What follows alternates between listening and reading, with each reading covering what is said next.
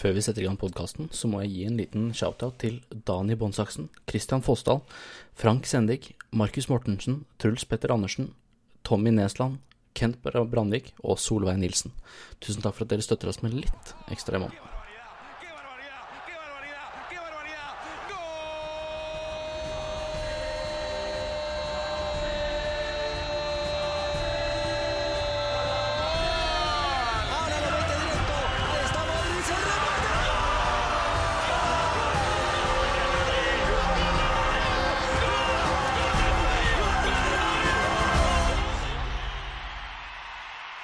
Velkommen, velkommen, velkommen til en ny episode av La Vista Madridista.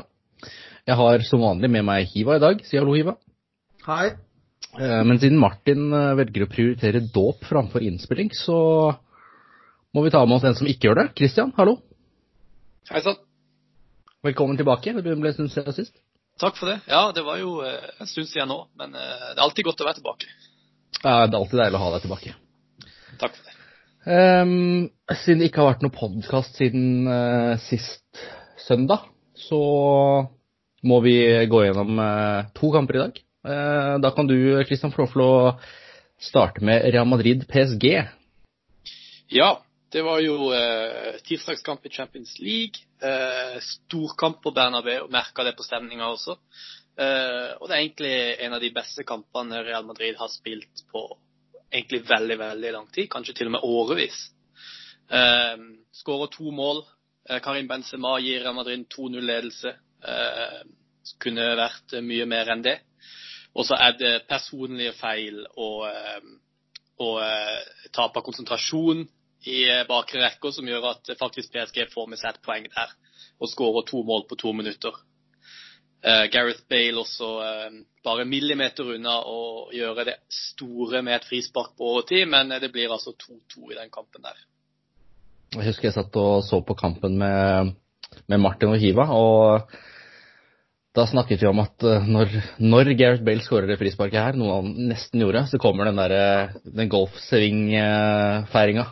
Og det hadde vært helt fantastisk å se på. Men kampen ender 2-2, eh, fra 2-0 til 2-2, og som du sier, personlig feil på slutten. Jeg har lest litt eh, på Twitter annet at mange ser på det her som et, eh, et tap. Er du enig i det? Det er jeg ikke enig i i det hele tatt. Eh, Jeg syns at eh, Real Madrid spiller års beste, og jeg syns nesten ikke jeg har sett Real Madrid spille så bra siden eh, våren 2018, når de vant Champions League. Og ja, det er noen personlige feil bak der som gjør at, at resultatet ikke ble bra. Men altså, vi må faktisk ta med oss det at Real Madrid rundspiller et av verdens aller beste lag. Og det viser litt om hvor nivået ligger eh, med det laget vi har nå. Og jeg syns også det viser eh, hvor eh, taktisk fleksibel Zidane er med de grepene han gjør. Det går vel Hiva litt inn på, på snart. Men jeg syns absolutt at dette ikke burde ses på som et tap. og vi må ta med oss prestasjonen herfra. Eh, Christian nevner at eh, du kanskje ser på, ser på litt dypere på kampen, eh, Hiva. Har du mm. noe du vil ta opp? Ja, jeg syns, eh, jeg syns egentlig Kristian eh, oppsummerer det bra. Eh, Hvis jeg skal legge til noe, så eh, får jeg begynne med å si at jeg, synes, jeg er helt enig. Og jeg syns eh, PSG er markant svakere enn Real Madrid gjennom hele kampen. Og så får de eh, en livbøye, for å si det sånn, og greier å, greier å ta, ta i bruk den. Annet enn det så, så er jeg også veldig opptatt av at den kampen her må bli fremheva som, som en viktig Nesten et vendepunkt, altså. For det, minner veldig om de eh, Champions League-kampene som vi er vant med, eh, med, med Zinedine Zidane. Og da, eh, da tenker jeg tilbake på de Ja, det, det alle vet, og det, det er ikke vits å jinxe noe her nå, så jeg skal ikke si noe mer enn det, men vi alle vet hva, hva, hva jeg mener, og det var en type kamp som man som det er veldig lenge siden vi har sett. Det var store perioder hvor Madrid dominerte med ball. Eh, og en av grunnene til det var at eh, Zidane gikk til det mm, Han tok det Det var et tiltak, rett og slett, og satte inn Isco. Og det tror jeg overraska veldig mange fra start. Jeg ble i hvert fall overraska. Eh, det som da skjedde, var at egentlig han hadde frie tøyler. Og man ser på forskjellige grafikker satt opp i 4-3, eh, 4-4-2 diamant. Eh, 4-3-1-2 osv. Man kan kalle det hva man vil, men Isco hadde stort sett frie, frie tøyler. Han fikk lov til å streife rundt akkurat slik det passa han. Og, og, jeg- og jeg syns at det her var en, en veldig typisk vote of confidence fra sin incident tilbake til Isco. om at eh, Vet du hva, det- altså det er ikke lenge siden vi, vi, vi to da, Kim, satt her og snakka om at eh, Isco kanskje var på vei ut. Mm.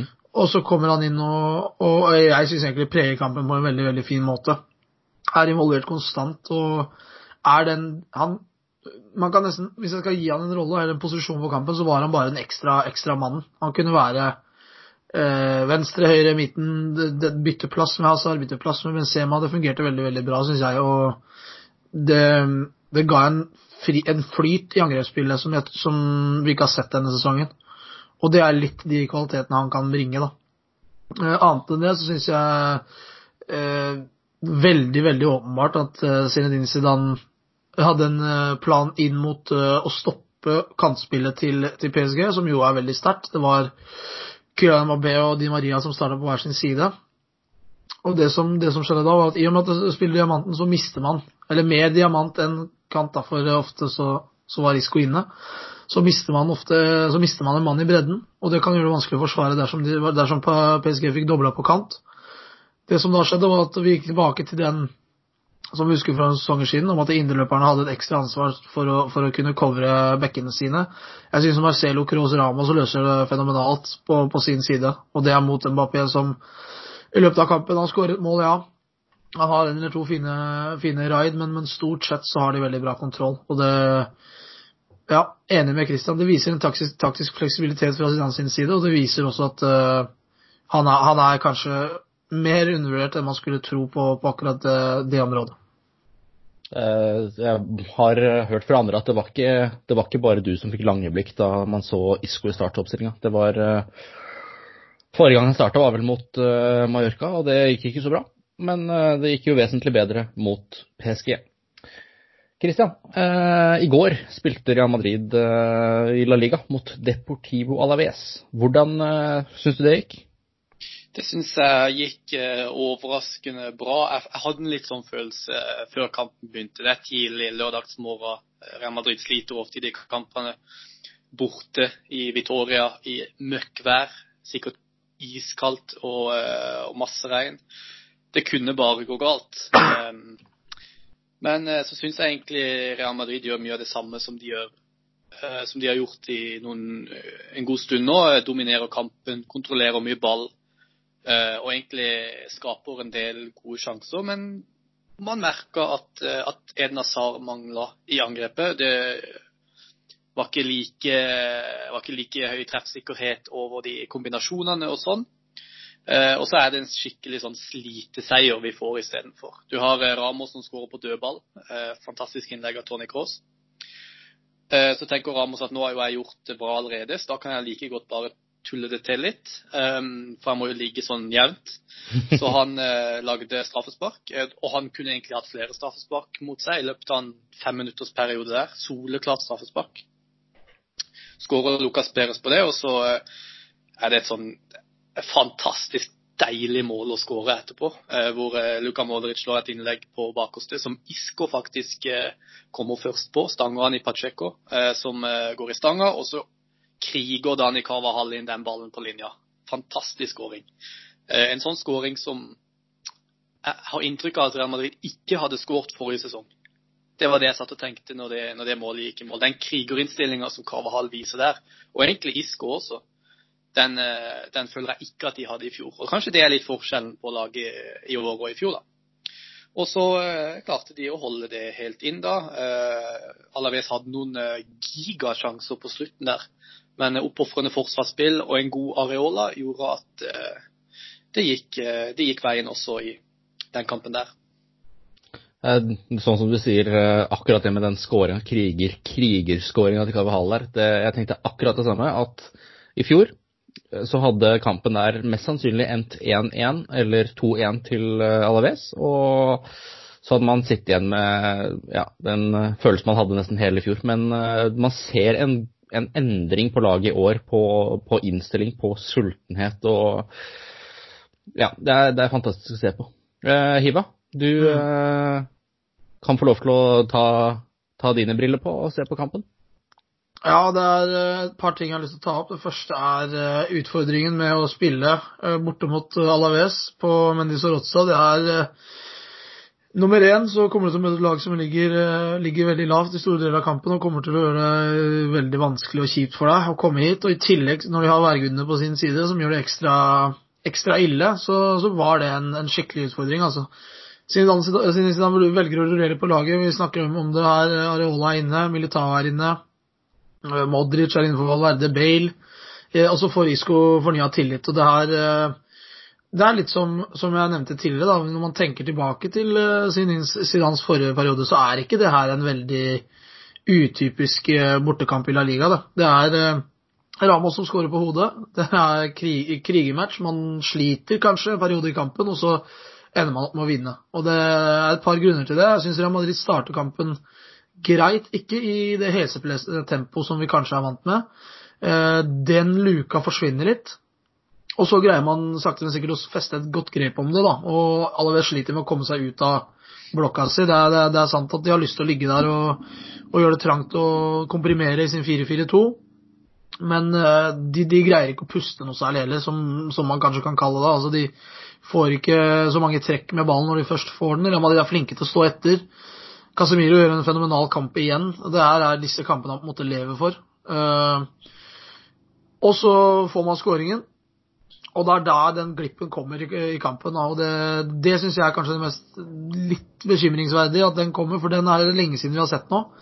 Når Madrid går opp, og så har de hatt for vane i det siste å fortsette å trykke ned gasspedalen på en måte få inn den andre og tredje skåringen, eller jakte det i hvert fall, i større grad. Men her får Alaves en periode hvor de egentlig burde skåra flere, nesten. Eh, de får denne utligningen, og så syns jeg Real Madrid etter Carvajal sin scoring og med et kvarter igjen, så greier de å få kontroll på det. Og da er det, er det noen bytter som blir gjort der også. Når Fede Valverde kommer inn og for Luka Modric med ti minutter igjen, så syns jeg det også tar litt brodden ut av, ut av Alaves. For de minuttene eh, rett etter eh, rundt skåringa til, eh, til Lucas Perez, så, så, så var Luka Modric litt ute av det. Mista ballen lagde et par frispark og, og så egentlig litt ferdigspilt ut. Så det byttet kunne godt kommet litt tidligere, synes jeg. Men uh, da det kom, og Valverde, som vi har snakka om opp og ned, greier å bidra på sin måte og er der og med den ekstra energien og løper opp, eh, tar disse kjipe returløpene, så, så greier Madrid å få kontrollen igjen. Og så er det åtte minutter da, som blir lagt til. Og da da syns jeg det er klokt av Zidane også å velge å gjøre et bytte. Farlam Mendy kommer inn. Isco blir tatt av, og, da, og så kan man se det inn uh, på en litt bedre måte. Så han legger om litt grann for så vidt, men Marcelo også tror jeg var uh, ganske ferdig på slutten. Så Alaves får sjansene sine, men det her er en typisk kamp som Jeg, jeg skal ikke jinxe noe her heller, men det er, en, det er en sånn kamp, og så kan man fylle inn før jeg sier sånn. Men det er, det er veldig veldig der. Altså, det er disse tøffe kampene som man er nødt til å bikke hvis, mm. uh, hvis det skal bli noe sølvtøy til, til våren. Ja, det, altså det var jo ekstremt mange marginer som gikk for de helbite i går. Det skal man ikke legge skjul på. Sånn uh, et par uh, tre, fire, fem cornere på rad som var farlige der. Og, ja. Du nevner så vidt det er inni, inni din del Casemiro. Og da har jeg lyst til at vi, vi snakker litt om han, Hiva. Eh, fordi eh, vi har snakka om han tidligere i podkaster, men hvis, du, hvis man ser bortsett fra, fra mål eh, fremover, er Casemiro den viktigste spilleren hittil i sesongen? Man kan uh, argumentere for det, og det er uh, det som er veldig gledelig. da. Det jeg bare lyst til å nevne kort før vi går inn på Casemiro, det er at uh, man kunne sagt det om et, et par-tre til. Det er i hvert fall en diskusjon, og det syns jeg er veldig betryggende og, og veldig deilig å mm. si. At man kunne nevnt Dani Carvahal, man kunne sagt Tony Cross. altså Det er spillere som har hatt en veldig fin sesongstart. men Casemiros viktighet er åpenbar, og han når han er på topp, som han har vært over en god periode nå, hvor han ikke gjør disse tullete hvor han, som jeg snakka om litt tidligere i eller, eller i forrige podkasten, vel, da, da, nevnte jeg dette med at Casemiro har blitt mye tryggere med ball, og det gjelder. Han gjør ting enkelt og greier å i større grad å være en bidragsyter også med ball, og ikke være den som på en måte må hoppes over eller unngås fordi at det er for farlig. Det var en periode hvor det var det, og det var en periode hvor eh, de andre på midtbanen var nødt til å ta ganske store deler av hans ansvar også med ball, og da hindrer det en del av eh, framgangen i det offensive spillet. Jeg prata om det litt kort tidligere, men det som ofte skjer, er at si Luka Modric og Tony Cross blir veldig dype, og så blir Casemiro den som er nødt til å trekke unna.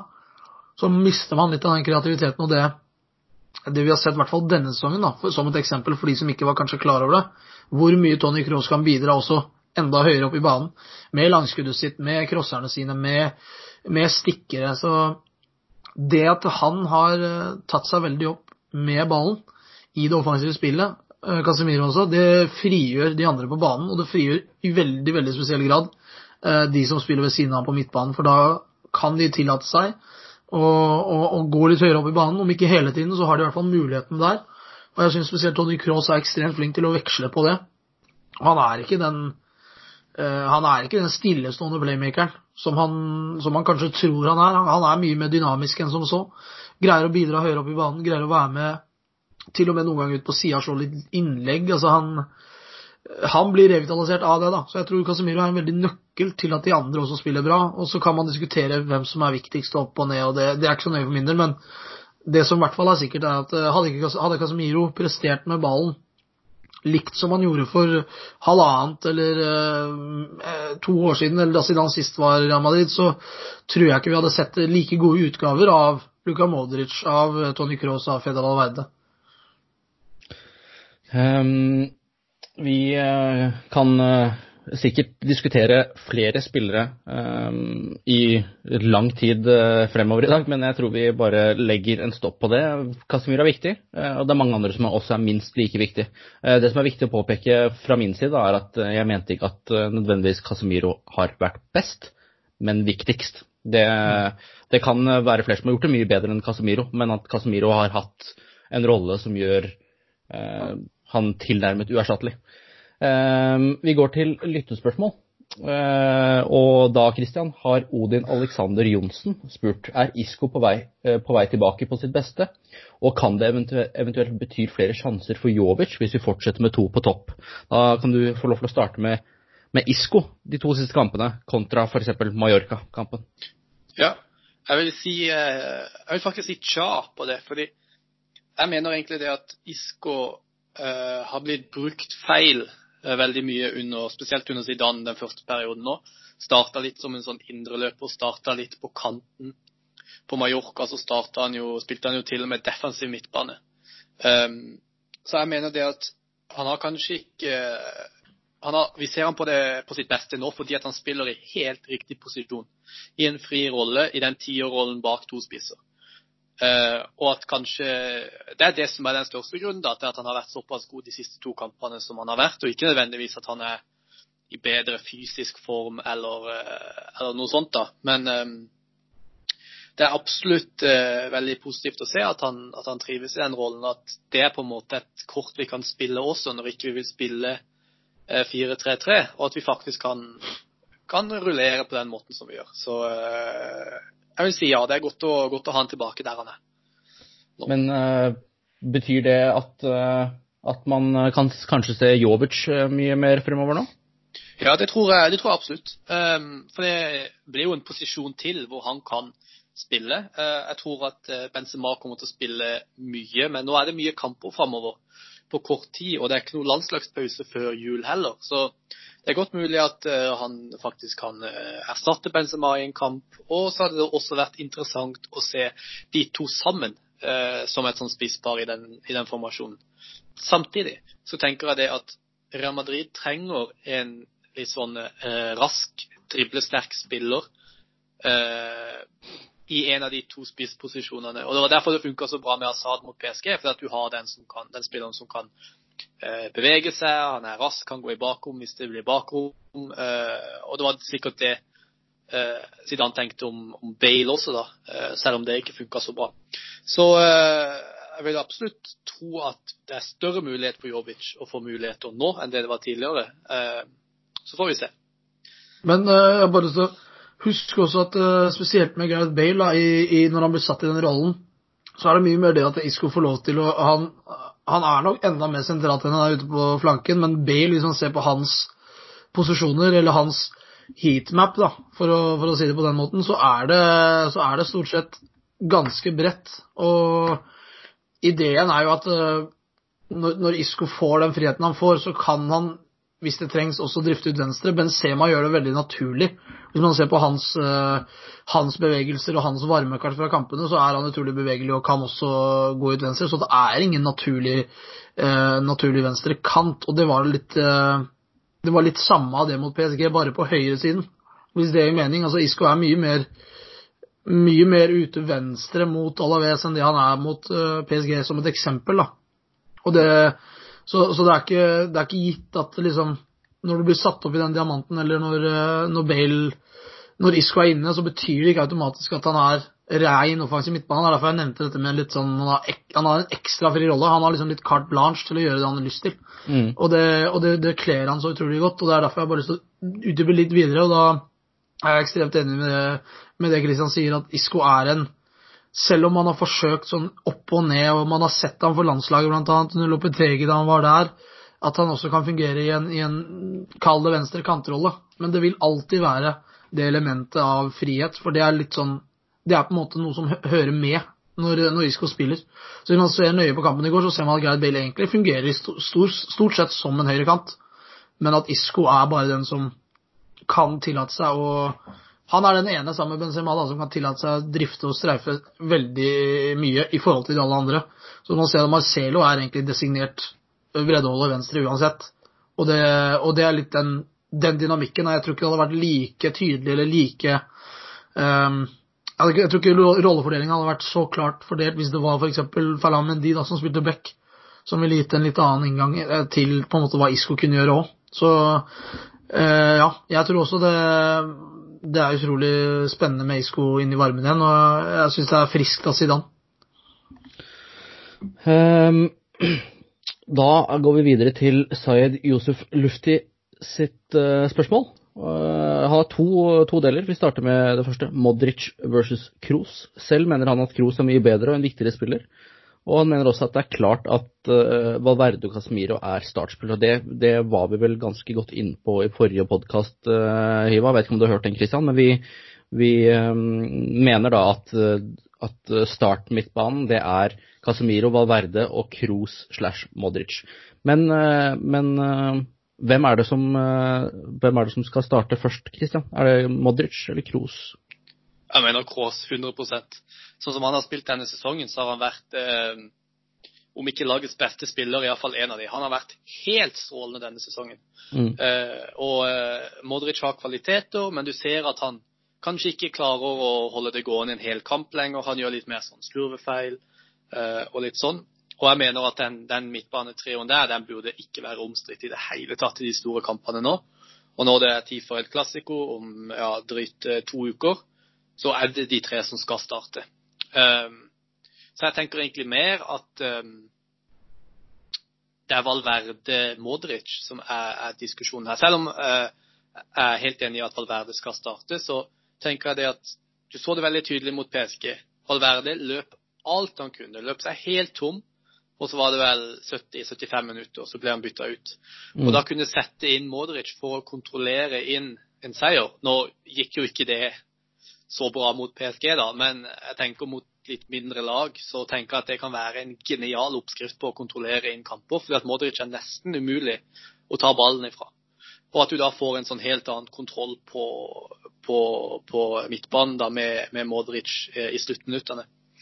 Um, så jeg er helt enig med dere sånn konklusjon at Casemiro og Kroos Valverde er, er startmidtbanen, og at uh, Modric kan uh, på en måte rulleres med, mer med Valverde enn med Kroos. For jeg syns at Kroos er, er, faktisk vanvittig viktig for laget vårt akkurat nå.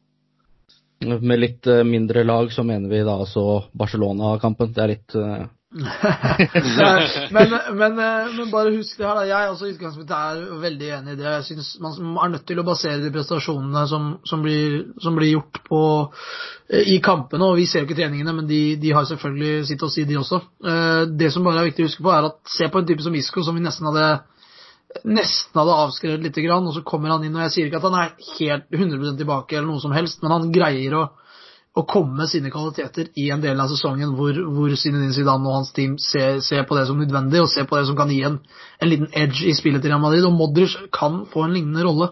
Altså, Vi sitter jo her og er Jeg også er det, så jeg skal ikke, jeg skal ikke peke på noen av dere eller noen som helst. Jeg også er, er der at uh, Casemiro Cross og Valverde det er ingenting som egentlig kan nå kan få meg til å bytte ut den midtbanen.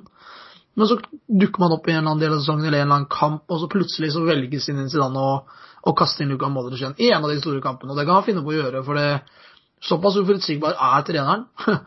og han, han, jeg syns han overrasker eh, støtt og stadig med, med disse laguttakene og kan og, og, og, de funker. Altså Så, så det, det, kan fort hende da at uh, plutselig om noen måneder så sitter vi her og er og sier at Modric er den som er helt untouchable i elveren. Men det, mm. det er liksom det, litt av den kvaliteten som er inne, da. Og det, jeg, jeg, skjønner også sånn For min egen del så hadde jeg ikke tenkt det, fordi tar man forrige sesong, så, så lurer man på om man skal bytte ut ganske mange.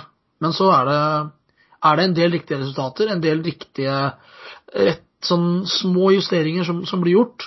Og, og, plutselig så er selvtilliten tilbake, og når selvtilliten er tilbake for disse, for disse store spillerne, så, så skjer det, skjer det noe, noe, med dem, og de finner et, et nivå som man kanskje ikke hadde sett forrige sesong, men som man vet de har inne, og som man bare lurer på det er ikke, det er ikke borte, vel. Og så, og så, viser det seg at uh, for mange av disse som vi nevner nå, Tony Cross hadde ingen stor sesong i fjor, men uh, han er ikke ferdig på, på noen som helst måte. Det, det, tror jeg er det aller viktigste man kan ta med seg. Det er at vi faktisk sitter og diskuterer om det kan være rulleringer, og om det skal byttes inn. I fjor så Jeg veit ikke. Det, uansett hvem du satte inn, så, så, var litt, så var det ganske dårlig, liksom. Og det, det tror jeg er det aller viktigste vi må ta med oss. Det var vel uh, til og med snakk om at uh, Kroos og Modric og ja, flere spillere som, uh, som er i, i laget i dag, var ferdige og burde blitt solgt i sommeren. Og så leverer de som de gjør. Det, det viser jo litt sånn kontrast på, på både innstilling mentalt og, og, hva en trener kan få ut av et lag. Det syns jeg er litt spennende å, å se på. Um, vi kan snakke litt om Venicius. Eh, han spiller, eh, spiller, jo ikke så mye som man hadde trodd eh, basert på fjorårets sesong. Og, og Sayed spør da også hva skjer med Vinni. Copa del Rey vil være en fin arena for han og Jovic. Vil de skinne her? Det er første delen av Vinni-spørsmålet, så vi kan jo snakke litt om det. Hiva, tror du, tror du Copa del Rey er scenen for først og fremst Vinni, men også da eventuelt Jovic? For, for, alle disse spillerne som, eh, som, har fått mindre minutter eller sitter på benken, så vil det jo i utgangspunktet være det. Men så er det Det er ikke så utrolig mange kamper. Og de har vel bytta format denne sesongen her òg, hvor det er gått over fra, fra to til én kamp, hvis jeg ikke tar helt feil, uh, i disse rundene. Og da vil det være enda færre muligheter. Og så er det alltid den mentale biten da, for, en, for en spiller som, som, sitter på benken, som type Venicius eller Jovic, at uh, og ja, vi, vi, spiller ikke borte mot Alaves engang, men vi, vi, skal spille mot tredje, et, et, et lag fra Tercera i, i Copa del Rey i første runde. Liksom, det, er, det, er, en vanskelig greie for de også, å kunne motivere seg til det, tror jeg. da. Selv om, selv om det kan høres litt rart ut, så de, skal, de er profesjonelle, de skal ta i bruk disse mulighetene. De, er, de sitter på benken, det er ikke vi. Altså, er, vi har ikke noe ansvar for at de skal spille, på en måte, vi som supportere. annet enn at vi ønsker å se de.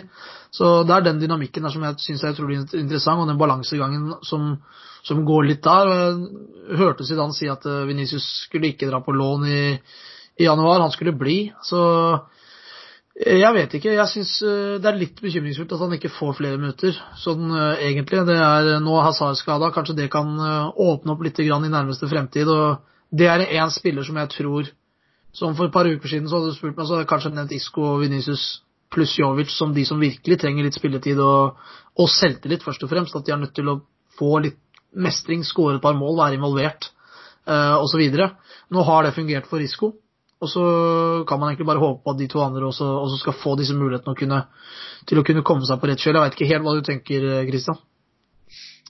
Um, nei, akkurat det jeg tenker med Venicius spesielt, er at det er en skikkelig vanskelig situasjon. Fordi at du har en spiller som leverte vanvittig godt eh, forrige sesong. Eh, tok eh, hele Real Madrid med storm, hele fans, eh, fansen med storm.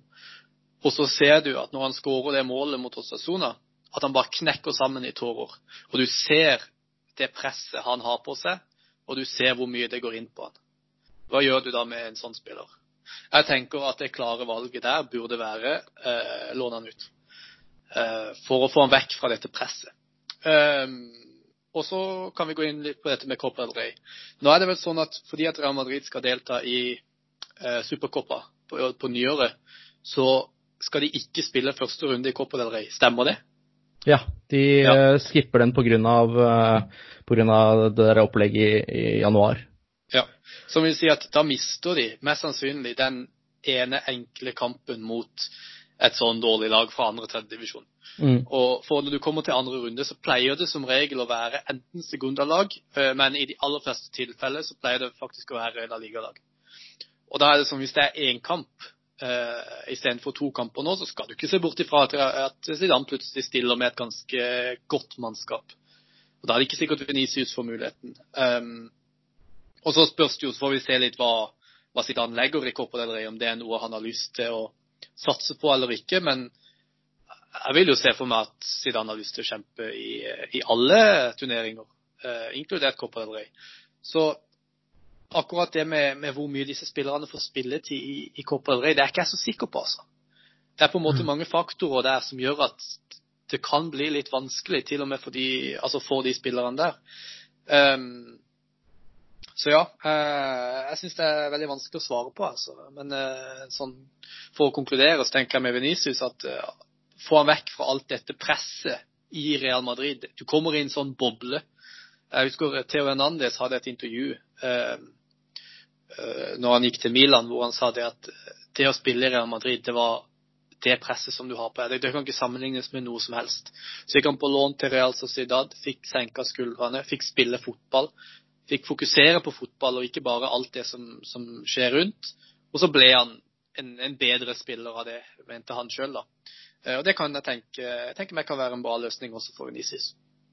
Det er veldig godt poeng som jeg, som jeg egentlig ikke hadde tenkt på dette med Jeg, jeg var ikke klar over det, at uh, den slapp første runde, men det er jo veldig interessant poeng. Og som, som jeg tror da, Zidane har ikke hatt for vane å, å, å vinne Copa del Rey. Det er jo eh, det er et par sånne derre Lega- Når man røk mot Leganes blant annet, eller eh, Altså de type tingene jeg tror jeg ikke han har lyst til å oppleve igjen. Og så er det den den der, da, Jeg er ganske sikker på at han nevnte det i pressekonferansen, at, at Vinicius ikke var, det var ikke et tema at han skulle bli lånt ut. og det, Da kan man jo spørre seg hva som er planen, da, for jeg også er jo, er jo enig i at et utlån kanskje hadde vært det beste. Hva, hva sier du, Kim?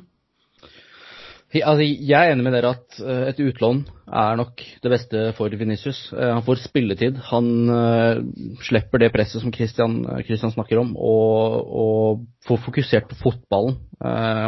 Vi, vi snakka jo om det når vi, når vi satt på og så på PSG-kampen. Rett før kampen så snakka vi om, om Venicius og, og hvordan han, han var på banen. Blant annet i fjor da, så var det jo på kanten, møter spillere, tar seg forbi uten å, uten å tenke, men så fort han liksom nærmer seg, eh, nærmer seg den 16-meterstrekeren, så er det som kryptonitt for han at han på en måte overtenker og stresser og tar valg han ikke bør gjøre. Og hvis man da gir han til en eh, altså låner han ut til en litt eh, mindre klubb, en klubb hvor han får litt mer spilletid, en klubb hvor han får, får kontrollert det stresset innenfor 16-meteren, så tror jeg det kan man kan se en, eh, en stor forskjell på Venicius enn hva man gjør i Real Madrid i dag. Jeg vet ikke hva dere tenker. Jeg er jo helt enig. utgangspunktet enig i det. At et utlån tror jeg kanskje hadde vært eh, det mest fruktbare bare for, for hans egen del. Og så er det jo den Ting snur veldig fort i fotball. da. Det er, jeg tror ikke det er så veldig mange bra prestasjoner som skal til før han på en måte eh, føler seg i form igjen, for å si det sånn. Men eh, det er jo litt det òg, da. Husk på i fjor, på, spesielt på våren her, så var jo Venezia egentlig en, en veldig viktig spiller. Mm. Det her var, det, han ble på en måte ikke Det var ikke sånn at han fikk noen soft start i Real Madrid. Han var gjennom uh, trenerskifte og to av dem til og med møtte tre forskjellige. Solari som ga han veldig mye tillit. Lopetegi som ville at han skulle begynne på Castilla, og Zidane som som måte bare skulle gjøre ferdig sesongen. Det, det er også mye å ta inn for en, for en ung spiller som kommer til Real Madrid, og som Husk på det, ikke har noe erfaring med, med Europa før, og i hvert fall ikke med en klubb så stor som Real Madrid. Så, så det er Jeg føler liksom ikke at man kan behandle han helt som en juniorspiller heller, da. Eller en spiller som, som, eh, som nettopp har kommet opp, føler jeg, bare på grunn av at han Han tok så utrolig mye ansvar da det, da det var veldig mørkt for Real Madrid. og jo, Det er derfor litt også jeg tror han har en høy stjerne blant fansen. at Han, han var en av de som presterte da det, da det var mørkt, og så ble han jo skada da, eh, på slutten av sesongen, som, som jeg tror kanskje kan ha tatt, tatt litt den derre ekstra edgen ut av han. da, eh, Det at han måtte gjennom den skaden. Så jeg syns det er en veldig utfordrende situasjon, men når Zidane er så bastant som han er, så kan det jo være at han har, noe, han har noen planer for han. og det hvis han, hvis han bruker noe av de samme triksene som han gjorde med Isco og med Venezia, så kan jo det her bli veldig bra, plutselig. Det var eh, enda en post på Twitter eh, som jeg så i, går, tror jeg, tror jeg det var, eh, hvor det sto at eh, Isco er et prakteksempel på at det å sitte på benken ikke er så fryktelig negativt, fordi en start, en god kamp, en sjanse fra Zidane er fort nærmere enn du tror. Men det gjelder bare å stå på. Det gjelder bare å ha innstilling, innstillingen eh, om at du skal starte, du skal ut på den banen der. Og, hvis ikke Venicius blir lånt ut, så håper jeg det er eh, det han også gjør. At han bare fortsetter å jobbe på, fortsetter å forbedre sine svakheter og, og vise Zidane at han er verdig en start. Eh, Så får man jo se da hvordan det, det går når han først får starten. Det, det er noe annet å, å komme seg innenfor 16-meteren på trening og skåre mål, eh, som jeg har sett at han er fullstendig kapabel til, kontra det å løpe ut på Santiago Bernabeu på en lørdagskveld mot et stort lag og da skulle begynne å sette de samme skåringene. Det er jo den, mm. den mentale, mentale tvisten der som eh, kanskje kan spille inn. Men jeg, jeg, håper, jeg håper jo at han drar ut på lån. Jeg syns, syns han eh, har godt av det. Men hvis ikke han drar ut på lån, så håper jeg vi får se han i flere kamper eh, fremover i sesongen. Eh, da syns jeg har snakka nok om, eh, om Venicius. Gå videre til Solveig Nilsen sitt spørsmål. Eh, hun lurer på hva vi syns om Areolas spilletid, og får han nok minutter av Zidane? Eh, Jeg vil bare starte der og si at eh, jeg trodde han, eh, i hvert fall nå etter at, at Courtois har begynt å, å levere som han har gjort, at eh, Areola var tiltenkt en, eh, en Copa del Rey. Eh, eh, stilling, da, hvis man kan kalle det det. Akkurat som f.eks. Kiko var eh, veldig ofte. Man, eh, man så så, så førstekeeperen stå i alle de store kampene, og i Copa del Rey så var det da andrekeeper som sto. Og Det var sånn jeg tenkte Areola kom til å ha det. Jeg syns egentlig han har fått mer spilletid enn hva jeg hadde trodd. Men hva tenker dere? Nei, jeg er egentlig må si meg enig i det. Jeg ble veldig overraska når han starta den matchen i, i går. Mm. Det var sånn Jeg klarer ikke helt å se det at man skal bytte en keeper Uh, når førstekeeperen er i den såpass god form som det han er. Det gir på en måte ikke helt mening for meg. Men uh, Zidane hadde sikkert en plan bak det, og, og det var kanskje det å la Areola få kjenne litt på gressmatta, han òg. Men uh, jeg er enig i at Areola har spilt mer enn det jeg trodde. Nå var jo Courtois ute med en, ja, det var sykdom eller hva det var tidligere i sesongen som gjorde at han fikk noen minutter. Men eh, sånn som situasjonen er nå, såpass god som Courtois er akkurat nå, så er jeg helt enig i at jeg klarer ikke å se for meg at Areola får noe annet enn en eh, sånn Copa del Rey-rolle. Og så syns jeg i tillegg vi må huske på at han er faktisk bare på lån i Real Mm. Madrid. Eh, og om de kommer til å hente han til sommeren eller ikke, det vet vi jo ikke. Det blir jo en annen sak. Men faktum per i dag er at han bare er på lån, og at han neppe er en spiller Real Madrid kommer til å satse på i framtida. Dette er nok en keeper som de henta inn fordi at de måtte ha en keeper, og at det var på en måte kravet de hadde til PSG. Hvis dere får Keylor, så må vi ha Areola på lån. Eh, så, eh, men samtidig så syns jeg jo det at det faktum at Zidane faktisk velger å bruke han i, i går, da, at det kanskje kan tyde på at ja, kanskje, kanskje det er en keeper de har troa på som en andre keeper for Real Madrid eh, framover. Men eh, vi får se. Eh, jeg gleder meg til å se han i Copa del Rey. Jeg syns egentlig han har vært, har vært god når han har spilt. Um, så det blir spennende å se hva som, hva som skjer med Areola. Det er eh, utrolig, utrolig interessant, men jeg tror også for sin din Zidane så er det Han gjør et poeng ut av at det skal roteres og at alle spillerne skal involveres. Det syns jeg er utrolig kult og en utrolig fin idé. Og når det funker, så kan man liksom ikke si noe på det, sånn som, sånn som her, da. Eh, Og tidligere når han har fått sjansen, som Christian sier. Så jeg tror det er mer det at eh, de er såpass klar over at Thibaut Courtois har tiltenkt å være førstekeeper i Altså Er det klassiko er det derby, så, skal, så spiller Courtois hvis begge er friske. Jeg føler at den fordelinga der er ganske trygg. Men det åpner også for at Courtois f.eks. ikke blir furten eller irritert når han blir satt på benken. Nettopp fordi at han er klar over at han er, han er nummer én, han kommer til å være det. Men uh, hei, la oss, la oss, bruke den muligheten her til å gi han noen minutter også, sånn at dersom det skulle skje noe, dersom det dukker opp en kamp, for det kan plutselig være store matcher i, i Copa del Rey også, uh, ikke glem det. Og da, og da vil man jo ha, gjerne ha Areola med litt, grann, litt, mer å kjenne på. For, for som keeper så, så, trenger du opplevelser, du trenger selvtillit, du trenger å være involvert dersom du skal, du skal ha en innvirkning på, på, laget. Det nytter ikke å sitte i fryseboksen over lang tid og, og, og, liksom bare gjøre det. Jeg husker tilbake til da Carl Ancelotti var trener og man hadde Diego Lopez og Ike Casillas, så hadde de en fordeling på at Diego Lopez sto, sto, i ligaen, og så sto Casillas i, i, i cupene. Men før Champions League-finalen eh, på slutten av 2013-sesongen så fikk Casillas de to siste seriekampene òg for, for, å komme seg i, i tipp topp stand til den finalen. Da. Og Det er også et eksempel på, på, nettopp det, at man er nødt til å, å holde han varm òg. Og det, jeg tror Zinedine Zidane velger disse kampene og disse mulighetene veldig nøye og misunnelig for at Eh, det skal passe og det skal gå opp, sånn at han også føler seg involvert og, og varm og klar i tilfelle det skal skje noe. Men den, den store delen av kampene kommer nok, eh, kommer nok utvilsomt til å gå til Courtois, spesielt når han har vært i den formen han har vært i, som sagt.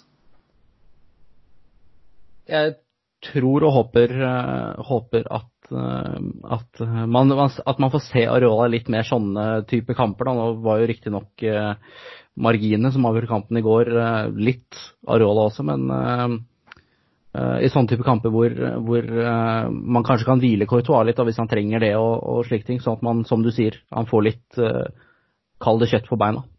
Mm. Um, vi går videre til, til ja, nå er ikke Martin her, men det er fortsatt hans favorittspalte, og det er uh, ukens fun fact. Uh, han uh, har vært flink, og han har sendt det over. og da er det to stykker om, kall det delvis Carvahall. Det første er eh, at det målet Carvahal skåret i går, det er hans aller første for Real Madrid med, med høyrebeinet. Han har eh, tidligere eh, ett mål med venstre i 2014 og to med hodet i 2014 og 2018. Det er også i tillegg første gang han skårer borte fra Bernabeu. Det er litt gøy å tenke på. Er dette i La Liga, eller generelt? Mm. Det er La Liga. Første gang, første gang eh, i, eh, i, i, hvert fall at han skårer borte i La Liga. Nå veit jeg ikke helt om, eh, om det med høyre er um, er uh, Jeg tror også det stemmer. han skåret jo med høyre på Lerkendal. Mm. Um, ja, ja, ok, men da, da, er det La Liga. Ja. ja.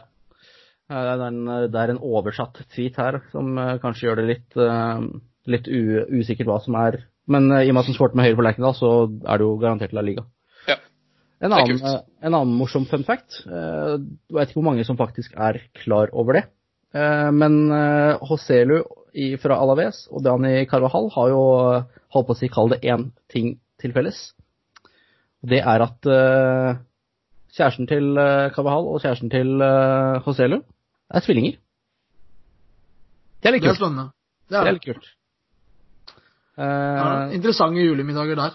ja. det, det, er litt spennende. Og det, de spilte jo i Castilla i uh, eh, 2010 også, de to gutta der. Så det, det er et uh, tett forhold mellom de to. vi kan gå videre til Panenkar. og da må vi da inkludere PSG-kampen også. Da er det eh, første fra Jonathan Skaue, hvor han skriver at eh, begge målene til Real Madrid er tap-ins. Um, siden du er gjest, Christian, så kan du få lov til å, å resonnere deg fram til poeng på at Real Madrid skårer to tap-ins mot PSG. Ja. Um, da må jo jeg vurdere i hvilken grad kan man si at målene til Benzema er tap-ins. Uh, jeg syns at du kan argumentere for at de er det, men jeg mener at den siste headinga, det er langt ifra en tapping. Eh, der mener jeg at Benzema må virkelig gjøre en, en jobb eh, for å få den ballen i mål. Og, eh, så jeg syns ikke at det er veldig mange poeng her. To, kanskje. Det var det jeg tenkte sånn umiddelbart. Men hva tenker dere? Iva? Ja, altså, altså Jeg er jo veldig lite fan av selve termen tap-in. Men jeg er, også, jeg er enig i Christian. Jeg tror Hvis man mener at den første er det, så, så Nå skulle du gjerne hatt uh, Martin her, da, som antageligvis mener at det er tap-in det andre òg, men jeg, jeg tror at uh, poengsummen vi gir, avgjør veldig om hvorvidt vi mener det er tap-in eller ikke. På den andre. Den første er det jo, men igjen, da. Det, hele den hele det begrepet. Altså, jeg, jeg veit ikke. Skal vi, si, eh, skal vi si at den får to poeng, da? eh, På bakgrunn av at Martin ikke er her og kan argumentere for tap-in?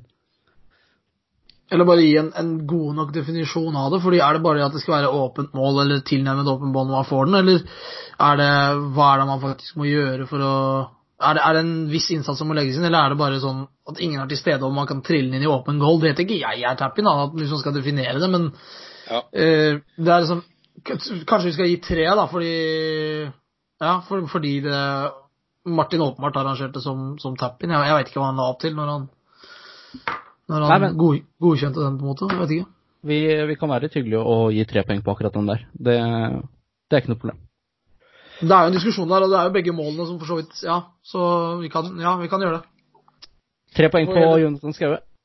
Ta opp den tråden seinere. Ja, og hvis, eh, hvis han har noen eh, argumenter for, så er det bare å hive seg på eh, en av oss som er her til fast, og så kan vi ta opp det i neste episode eventuelt. Endre Torgersen. Real Madrid har minst dobbelt så mange avslutninger som PSG. Det syns jeg er bedre. Ja, hvis man ser på, hvis man ser på forrige kamp da, mot PSG i Paris, så kunne man jo ikke tro at, at Real Madrid skulle komme til, eh, til eh, så mange muligheter. Og de to måla som PSG får mot seg i, eh, i den kampen her, er jo faktisk de to første måla PSG får mot seg i Champions League i år. Så det er jo, det er jo faktisk en litt spennende, spennende, spennende tanke.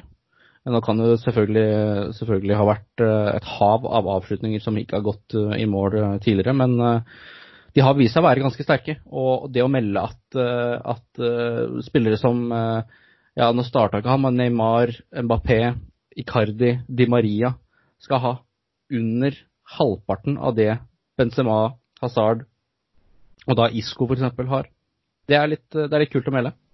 Det er Men, også veldig spennende antallet, da. Det er ikke, det er ikke liksom mer enn dobbelt så mye. Det kunne vært fem mot elleve, men det er liksom 27 mot 13. Mm. Så det er, det er et massivt antall, da. Og det, da syns jeg det, det må jo få, få litt kred òg. At det, det treffer sjelden når det er såpass eh, Jeg kaller det åpent, da. I, litt i begge ender. For 13 skudd, det er en del, det òg. Men, Ja, men 27 er jo helt massivt. Og Keranavo sto i en, sto i en kjempekamp. Selvfølgelig måtte han det. Mm. Uh, så jeg syns den her fortjener litt poeng, jeg, Christian.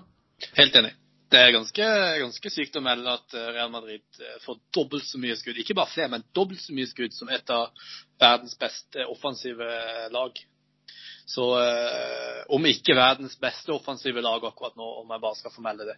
Mm. Eh, så eh, jeg syns absolutt at han skal få en del poeng. Eh, her er nok dere bedre på poengsummene akkurat enn det jeg er, men jeg er enig i at den er, den er fin.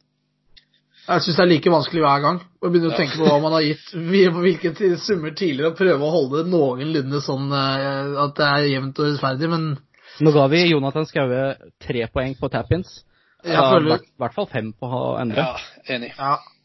Kanskje Ja. til og med seks. Kanskje til og med seks. Ok. Jeg bare legger den der. Jeg bare legger den der. Jeg vet, hva, tenker, hva tenker du, Christian? Seks eller fem? Jeg tenker fem, jeg. Ja, Ja, fem. fem poeng. Det er greit. Så skal vi gå videre til Panenkaene fra Alaves-kampen. Da har vi eh, Fredrik Øvreng. Real Madrid får minst én ball i metallet. Da, Christian, kan du eh, starte med den? Ja, det syns jeg var ikke er den eh, mest risky panenkaen jeg har hørt. Det er jo Real Madrid pleier har jo for vane å treffe treffe stanga. Så Mm. um, Nei, den syns jeg ikke nødvendigvis gir så mange poeng. Da burde det vært at han heller hadde på en måte kommet med det riktige antallet Ja. uh, stolpetreff. Så det kan du prøve på neste gang. Uh, men uh, sånn i utgangspunktet så tenker jeg at dette er ikke mange. Dette er ikke mer Det er nok ikke Kanskje på nivå med, med tap-ins. Litt lavere, kanskje to-tre poeng, tenker jeg. Går vi for to, da? Da går Ja, vi, går for to på Fredrik der. Og da er det Endre som er på, på ball igjen. Endre Torgersen har da sagt at eh, Real Madrid har mer enn 60% possession og scorer på dødball. Så det er ikke bare at de har eh, mer, eh, mer ball, men de setter, en, setter en scoring på dødball også. Og den er spennende. Og det, er, og det er han som da også meldte dobbelt så mange sjanser som avslutninger som PSG. Det er jo Han er på en streak. Ja, det er to sterke på rad her, altså. Det, Han det må en jeg si. Huff og huff. Må begynne å se på de, eh, se på de panenkaene der, og så gå inn og sette alt man eier på det. Ja. til, til, til Torgersen der. Det skal, men jeg skal vurdere det. Tja, skal man begynne? Uh, vi, vi har lagt oss på et nivå eh, her, da, med, disse, med de andre panenkene, men jeg tenker det er ikke bare 60% ball, jeg er enig i det. Og det at man legger på dødball, men ikke blir lurt av at de to kommer i samme setning. For det er ikke så uvanlig for Real Madrid å score på, score på dødball. Åpna ballet mot øh, øh, Og forrige ligakamp, Kim.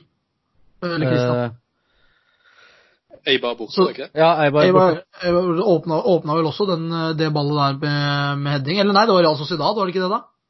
Jo, selvfølgelig var det Det var det. Det, Ja. det var Real Sociedad. det var Sociedad, og det var jo også åpna, åpna med dødball der òg, hvis jeg ikke tar helt feil, så eh, jeg, jeg vet ikke. Jeg føler at man må ta de litt hver for seg, selv om de kommer i samme setning, på en måte. Det er, Mm. det er litt typisk Real Madrid å gjøre det der. Ja. Men det kan være en følelse, jeg har, Men- jeg har ikke noe statistikk som kan backe det. 60 Ja, det syns ikke jeg er så vanvittig eh, crazy Panenka heller. fordi at 60% ballbesittelse mot et av de mest defensive lagene i hele ligaen, det er på en måte ikke helt uforventa, det heller. Man visste hvordan Alaves kom til å spille, og måten Real Madrid har spilt på i det siste med, med mye possession. Jeg vet ikke. Ja, så er jeg enig i det. Jeg, jeg hadde ikke øh, rynka på nesa med 60, over pluss 60 på ball før kampen, men han treffer jo, da. Jeg føler at det er, nødt til å, det er nødt til å få, få en viss form for uh, reward, det også. Ja. Men jeg tror ikke det er noe storeslem vi snakker her, altså.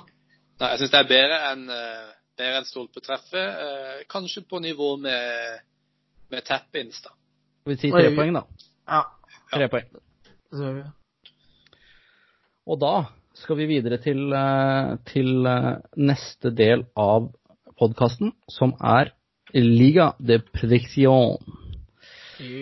Ja, det begynner å, begynner å sitte nå. Ja, ja, ja. Um, Christian, Ja. da kan eh, du få lov til å starte. ja, neste kamp er jo um, Spanjol hjemme. Mm. Der tror jeg det kan bli storsmell, altså, for, eh, altså, for Espanjol sin, sin del. Stakkars de som skal møte Real Madrid akkurat nå. ja. De skårer nesten ikke mål, og de slipper inn så utrolig mye. Um, så møter de det laget som uh, har skåra det er vel nest flest mål av Lilla Liga. Et av de lagene som slipper inn færrest. Så her tror jeg det blir stygt. Uh, jeg ser for meg en 4-5-0-seier her, rett og slett. Um, ja, Ja, 5-0 går jeg for. 5-0. 5-0. Ja, og så, eh, og så eh, tar jeg første målskårer. Det blir jo selvfølgelig Karim Benzema Ok. i det Det blir tidlig, 13. minutt. Og så har du eh, kaptein blir eh, Det blir Karim Benzema. Og en Panenka har du Panenka der. Karim Benzema skårer hat trick. Det er Panenka. Ja. Da kan, da kan jeg gå. Jeg er i gang med å skrive her. Jeg tror Jeg føler at siden det er såpass mye som tilsier at det skal være en stygg hjemmeseier, så tror jeg den blir litt mindre stygg. Jeg tipper øh, Jeg tror liksom bare det at man er så Spania kommer til å være så klar over det, øh, på en måte, at de har vært At de har lekka som en sil, og Real Madrid sikkert Jeg håper ikke de havner i den fella, men kanskje de detter i den fella at de undervurderer dem litt på bakgrunn av tabellplassering. Så jeg tror Real Madrid vinner, men jeg tror det blir med 2-0. Og jeg tror første målskårer og kaptein blir eh, Tony Cross. Han gjør en eh, fenomenal kamp. Eh, og, så, og målet skåres da i det 52. minuttet. Da var det Panenka jeg hadde igjen, og Panenka min denne gangen, det er at uh, Thibaut Courtois spiller i rødt. Ok. Så dra, dra, han spiller i rød drakt, altså. Og det, det er vel enten eh, rød, gul eller eh, en sånn grønnaktig kammo-greie som Areola sto i nå i går. Mm. Så ja. Det er ikke så mye som poeng som kan sankes, men jeg vil gjøre et poeng ut av at, eh, ut av at uh, trøya har noe å si. Ok. Uh, da har jeg uh, Jeg skrev opp den her eh, litt tidligere i sendingen. eh, og håper si det er, det er likheter fra begge, begge deres tips. Fordi eh, jeg har eh, tatt eh, Real Madrid Español 4-0, så jeg var litt redd for at du skulle ta akkurat den, Christian. Men du, du tok steget opp på fem. Ja. Første målskårer. Jeg har håpet om at siden det er Champions League-kamp rett etterpå, så får faktisk Jovic starte, fordi det er et, det er et ja, De ligger på 19.-plass, Español, og som Christian sier, de skårer ikke mål. Så jeg håper Jovic start, starter, og han er første målskårer i det 22. minutt. Kapteinen i denne kampen blir Kroos, eh, så der er likhet fra Hiva. Eh, En annen likhet jeg har, er at, eh, er at jeg tipper at Kroos skal skåre mål, fordi panenkaen min er at Kroos med et langskudd som fører til mål, og at han gir minst én assist. Da har vi Liga de Prediction fra samtlige. Da kan vi gå videre til, eh, til eh, neste del, og det er eh, ukens eh, refleksjon. Og eh, siden eh, Christian fikk starte tippinga, Hiva, vil du starte refleksjonen din? Ja, og det er eh, egentlig litt filosofisk, litt sportslig, litt sånn eh, oppimellom, og det, det går inn på litt flere ting, men jeg har bare lyst til å Ja, dette er sånn mitt, mitt vindu da, ut i verden, og da, det har jeg tenkt å bruke. Så stikkordene er Isco, Zidane og en ny sjanse. Så det jeg skal prøve, prøve å fatte meg i korthet, men Isco som har vært eh, litt ute i kulda, som har slitt eh, med starten av sesongen, som ikke har fått de minuttene han ønsket, som, som er en type spiller som jeg har vært inne på tidligere, som trenger disse minuttene, som trenger å føle seg involvert og, og prege kampene i en rolle som kler han. Nå har han fått gjort det. Eh, og jeg syns bare det er et veldig godt bilde, som du nevnte til, litt tidligere, Kim, at eh, er, så lenge man har det med rette innstillinger på plass og, og jobber hardt, så vil det etter hvert komme en mulighet, og så er det allikevel ikke gitt at den muligheten kommer til å At du kommer til å ta den muligheten, men så lenge du jobber for, for at du skal få til det, så det, så er det større sjanse for at du kommer til å ta den muligheten når den først dukker opp. Og det syns jeg er veldig beundringsverdig med Isco, som tidligere har blitt kritisert for at han jobber for lite, eller for at han er litt sånn slack, eller for at han kan bli eh, bli provosert av supportere som, som buer, eller hva det måtte være, men han viser en veldig flott mentalitet og en god innstilling for å komme seg tilbake på rett kjøl. Og så syns jeg Zinedine Zidane gjør det, gjør det gjør veldig klokt, eller treffer veldig med tilnærmingen hans til Isco. Vi er alle kjent med hvor høyt han rangerer den spanske magikeren. Eh, han spilte mye på slutten av Zidanes periode og var en veldig veldig viktig bidragsyter til det eh, spesielt det siste Champions League-trofeet, men var det gjennom en periode man så at Zidane hadde et godt øye til han. Og han, han velger å ikke gi opp eh, Isco, altså, og det, og det syns jeg i hvert fall nå med en gang. Nå kan vi ikke være for eh, konkluderende i med at det har gått to kamper, men det at han, det at han ikke gir opp Isco og, og velger å gi han disse minuttene i viktige kamper, syns jeg er utrolig beundringsverdig også fra hans side. Så det er kudos til begge to. Og en, en liten sånn omasj til, til, at, eh, til at alle, alle der hjemme òg, eller hvor det måtte være, så den ligger der. Med, med den rette mentaliteten og den rette innstillingen, så er det egentlig bare eh, Ja, det er eh, Det er på en måte ikke et tak på hva som kan bli, da.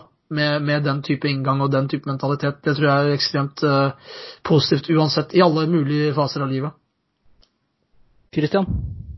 Ja, dette er nok uh, kanskje ikke så mye en, en refleksjon, men kanskje litt mer en oppfordring. Eh, jeg skal bare ta tak i en hendelse fra kampen i går. Eh, hvor eh, når eh, Alaves skårte på etter straffesparket sitt, og du har tidligere Barcelona-spiller Alesh Vidal, som eh, ganske tydelig løper bort til Ramos og viser han fingeren. Eller tar opp hånda og, og, eh, og viser det tegnet der, da. Mm. Um, Sånn som Bale gjorde mot uh, Atletico Madrid. Ja, Litt, samme ja. gjorde Ja. han nå. Uh, Og han sier at det ikke var retta mot Ramos, uh, men det var retta mot Ramos. Det var det. Um, og det jeg tenker der Altså, de taper kampen til slutt. Ikke gjør det. Når du er det soleklart underlegne laget, du vet at det er ganske mye igjen av kampen, og Real Madrid kan skåre, ikke gjør det. For det, det kommer til å komme tilbake, og det kommer til å bite deg i, i eh, ja, et sted du ikke vil bli bitt. Um, så bare litt sånn oppfordring. Um, ikke gjør sånne ting. Ikke provoser unødvendig når du vet at det kan komme, komme tilbake til deg i retur. Så, um, Hovmo står for fall. litt eh, ja, ikke sant? ja. så eh, ja, det var det. Det var litt mer sånn negativ, eh, kanskje ikke like oppløftende som den Hiva hadde, men bare husk på det. Er, det er viktig det, å ha litt, litt, positive, ja, litt positive Ja. og negative tanker, eh, tanker her.